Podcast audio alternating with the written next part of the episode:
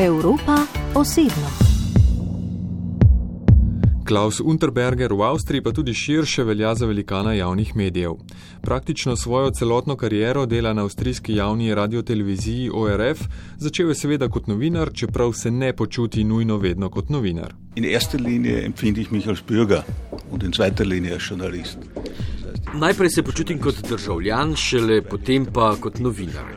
Novinar sem postal zato, ker menim, da novinari družbi pomagajo oblikovati demokratičnost. To je bil moj cilj. Hotel pa sem postati novinar v javni RTV hiši, ne v kakem časopisu. Hitro sem prepoznal razliko. V javnem mediju gre za drugačne naloge. Tam ne gre za denar, za prihodke, gre zgolj za pogodbo z javnostjo. Gre za javne vložke in to mi je bilo vedno pomembno, ne glede na funkcijo, ki sem jo opravljal wichtig, egal in welcher Funktion äh, ich äh, gewesen bin. Služiti javnosti brez kakih dodatnih ciljev. Funkcij znotraj avstrijske ORF je Klaus Unterberger opravljal kar nekaj. Nobena ni bila prav preprosta, začenši z osnovno novinarsko. Es gab einen Moment, äh, in dem ich gesehen habe, dass öffentlich-rechtlicher Rundfunk schwer unter Druck kommt Bil je trenutek, ko sem videl, da je javna RTV pod zelo velikim pritiskom. To pomeni, da ni samo umevno, da mi zgolj opravljamo svoje delo in da javnost to sprejme. Najprej pride do vprašanj financiranja prek naročnine, potem so prišle hude kritike strani komercialne konkurence, ki so sprožale vprašanje, ali javne servise sploh potrebujemo. Takrat sem se odločil, da je treba reagirati, da se ne smemo pretvarjati, da smo v nekem nedotakljivem mehurčku. Danes je jasno, da je javna RTV bolj kot kdajkoli pod vprašanjem legitimnosti. Odgovarjati moramo na vprašanja, zakaj smo sploh tukaj, kaj delamo, kaj je naša kakovostna prednost. Ni dovolj, da to zgolj poudarjamo, ampak moramo to hkrati definirati in vedno znova dokazovati. Sondern das müssen wir definieren und das müssen wir vor allem auch beweisen. Klaus Unterberger je zadnjih 15 let tudi vodja oddelka za javno vrednost na avstrijski javni radioteleviziji. Kompetenčni center je nastal ravno iz potrebe, ko je bilo treba ljudem razložiti, zakaj ORF potrebujejo. Wir haben äh, dieses, diese Dienststelle vor insgesamt 15 Jahren etabliert, äh, nicht aus Lust und Laune, sondern aus der Erkenntnis. To službo znotraj ORF smo pred 15 leti postavili zato, ker smo spoznali, da se moramo kot javni servis legitimirati. Družbi, javnosti in plačnikom prispevka moramo predstaviti, kako sredstva, ki jih dobimo, porabimo. Zakaj ORF sploh obstaja?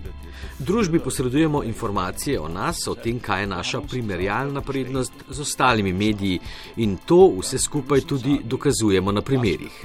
To je del moje službe že kar nekaj let.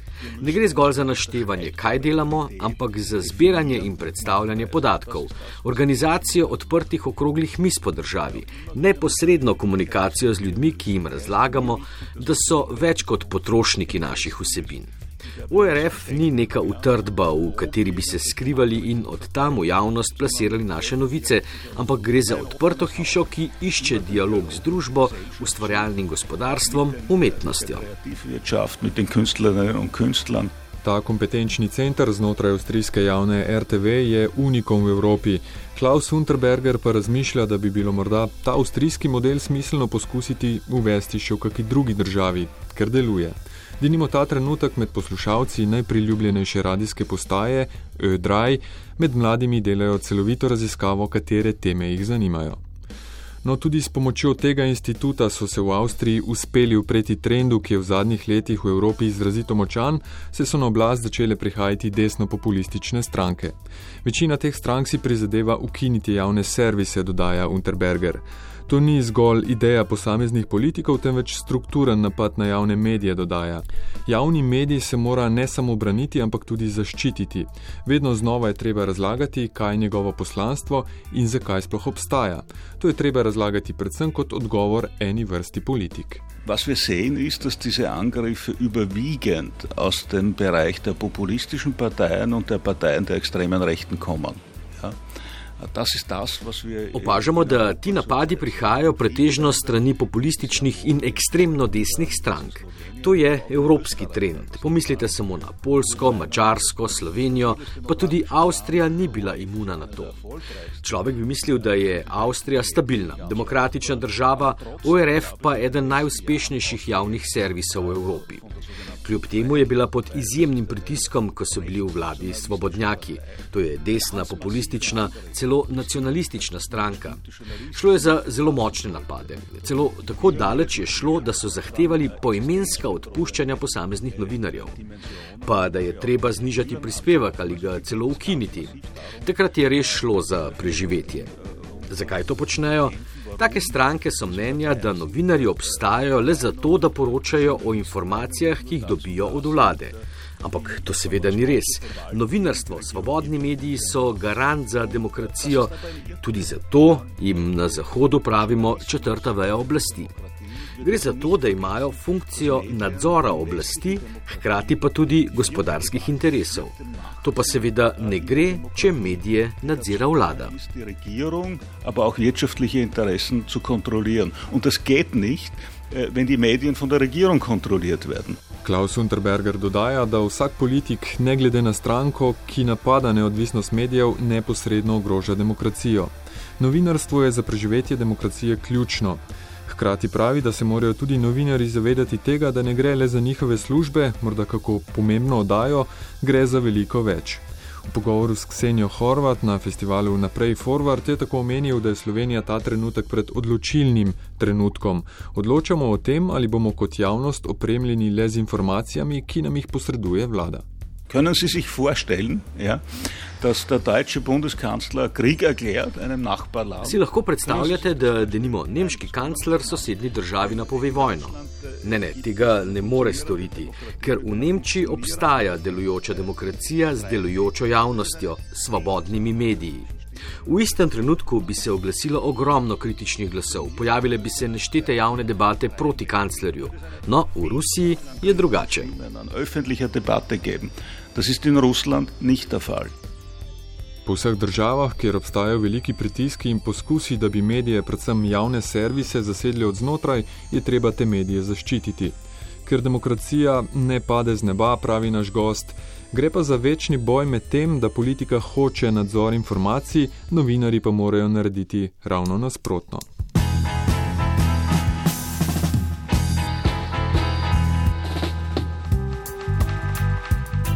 Klaus Unterberger, znano in uveljavljeno ime avstrijske ORF, tudi šef tamkajšnjega oddelka za javno vrednost, je gost današnje Evrope osebno.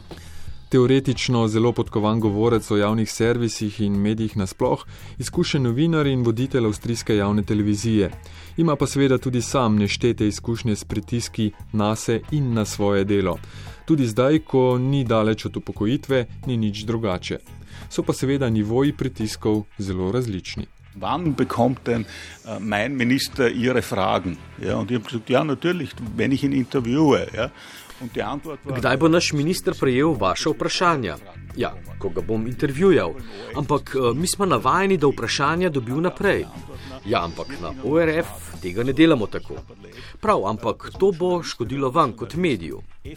Vedno znova sem doživljal, da so novinarje dejansko ogrožali, ko je šlo za neke višje interese politike ali gospodarstva. V teh primerih gre za res velike pritiske, ob čemer je pomembno, da je velik del medijev komercialnih, v zasebnih rokah, zato so javni servisi še toliko pomembnejši. Na ORF sem že 40 let in lahko rečem, da še nisem doživel dneva, da ne bi vlada, vseeno katera, poskušala vplivati. Ampak to je del posla, to me ne skrbi toliko. Pomembno pa je, da sami zgradimo kitajski zid, varnostni ščit proti takim napadom. Pomembna je pozornost, kritičnost in pripravljenost postaviti se zase. Kritisch sind, alarmbereit sind, uh, uh, sich auch für ihre eigene Unabhängigkeit einsetzen. Pa seveda tudi ustrezna zakonodaja, ki medije in novinarje varuje pred neupravičenimi pritiski in napadi predvsem javne medije. Še posebej v zadnjih dveh letih se je pokazalo, da jih res potrebujemo tudi danes, ko je sicer medijske ponudbe na trgu neskončno. Äh, Im ORF ist es so, dass äh, wenn im fünften Stock ein Sessel umfällt, ja, Na ORF je tako, da če se v petem nadstropju naše hiše prevrne stol, za to ve cela država. In prav je tako. Smo javni in transparentni. In ravno v času epidemije smo doživeli veliko rast zaupanja. Kar pa seveda spet ni bilo prav nekaterim politikom, ki s svojimi mnenji ne pridajo skozi. Sie können sich nicht einfach durchsetzen mit dem, was sie sagen. Politika ima seveda v medijih in javnih servisih vedno znaten vpliv, če ne drugače prek sprejemanja zakonodaje, morda tudi prek ljudi v raznih organih zavodov. Koliko vpliva naj torej ima politika pri odločanju o delovanju javnih medijev? Zunächst muss man sagen, äh, dass der Angriff auf die Politik generell nicht richtig ist, denn äh, wir leben in einer repräsentativen Demokratie. Rekel bi, da napad na politiko kar tako ni pravi odgovor. Živimo v reprezentativni demokraciji in politične stranke imajo pravico in dožnost zastopati interese svojih strank. Prav je tako. Kar pa vidimo je, da določeni politiki in stranke reprezentativno demokracijo zlorabljajo. Ko politik skuša omejiti neodvisnost medijev, je to zloraba reprezentativne demokracije. Proti temu se moramo boriti. In sploh ni tako zapleteno. Nadzorni in programski sveti javnih servisov ne smejo imeti večine, ki jo določa vlada. Zato mora poskrbeti zakonodaja. Prav tako smo lahko zelo transparentni pri imenovanjih nadzornih in programskih svetnikov, da nimo z javnimi predstavitvami kandidatov, pri katerih se morajo ti jasno opredeliti do določenih tematik. Takrat bi se videlo, ali je kandidat neodvisen in kompetenten. Abhängig von einer Partei, dann würde auch auffallen, ob er oder sie kompetent ist oder nicht kompetent. Za avstrijsko situacijo naš gost pravi, da je neverjeten pritisk na javni servis zelo popustil, ko so iz vlade odšli svobodnjaki. V opoziciji ima pač stranka veliko manj vpliva na javno mnenje. Ko govorimo o glavnih očitkih javnim servisom, pravi Unterberger, pa so ti najbrž povsod po Evropi podobni. Also diese Vorwürfe waren äh, manchmal nicht mehr verständlich, reine Propaganda. Očitki so bili včasih že popolnoma nerazumljivi, čista propaganda. Včasih vulgarni, pogosto zelo osebni. Denimo, vedno, ko je Armin Wolf, ki ga verjetno poznate tudi v Sloveniji, gostil v intervjuju kakega člana vlade, je takoj sledil pogrom, da si takega načina pogovora z ministrom nikakor ne bi smel dovoliti. Ali ko je kak novinar kritično poročal o Orbanu, so takoj sledili pozivi k njegovemu odpoklicu, ker to škoduje Avstriji. Skratka, gre za zapiranje ust novinarjem, za kontrolo vsebin, za idejo, da novinari servisirajo informacije vlade. Ampak to je napačno razumevanje novinarstva. Das ist es eigentlich schon. Aber das ist ein falsches Verständnis von Journalismus, dem muss man entgegentreten. Razlaganje vedno znova, zakaj potrebujemo javne servise, je tudi ena od vlog javnih servisov, pravi Klaus Unterberger, zelo znan obraz avstrijskega novinarstva, ki se je v zadnjem času lotil novega velikega izziva. Tako kot javne medije, po njegovem mnenju, potrebujemo tudi javni internet, ne pa komercialnih algoritmov. In Evropa tu ima možnost narediti korak naprej, ob čemer so prav javni medijski servisi lahko pobudnik te spremembe. Im Übrigen nicht nur auf den kommerziellen Plattformen. Ich habe gemeinsam mit einer Gruppe von Wissenschaftlerinnen und Wissenschaftlern äh, äh, ein, ein Manifest initiiert. Das ist ein Ne samo na komercialnih platformah, skupaj s skupino znanstvenikov in znanstvenic smo pripravili manifest. Po vzoru javnih medijskih servisov bi dobili tudi na podoben način organiziran javni internet. Prek 1200 znanstvenikov je podpisalo ta manifest, od Noama Čomskega do Jürgena Habermasa. Gre za klic po tem, da ne potrebujemo zgolj komercialnih gigantov, ki določajo našo internetno komunikacijo, ampak da tudi tu potrebujemo nek model, ki bo transparenten, pregleden, pod strokovnim nadzorom. Ni sprejemljivo, da smo vsi izpostavljeni algoritmom, ki jih javnost ne more nadzirati. Nobenega upogleda nimate, kaj počne Facebook. In Facebook posredno odloča volitve, predvsem z zlorabami algoritemskega določanja vsebin, ki nam jih dozira. S Klausom Unterbergerjem sva, ko sva zaključila z uradnim delom intervjuja, klepetala tudi o avstrijskem referendumu o javni ORF v 60-ih, pa o švicarskem referendumu pred nekaj leti in o tem, da se pod populistom Johnsonom nič dobrega ne piše niti BBC. No, prišla sva pa tudi do analiz vsebin RTV, ki jih pripravlja Urad vlade za komuniciranje in Klaus Unterberger je najprej vprašal, ali se šalim in ko sem še enkrat razložil, na kakšen način analize nastajajo, mi je rekel, ne vseeno še enkrat prižgem mikrofon. Aus meiner Sicht ist das ein klarer Versuch, Journalisten und Journalistinnen einzuschüchtern. Und das widerspricht äh, allem äh, Bemühungen. Po mojem mnenju gre za poskus zastraševanja novinarjev, kar je v nasprotju s prizadevanji po neodvisnih medijih. Jasno namreč je, da morajo novinari in mediji nadzorovati vlado in politiko in nikakor ne obratno.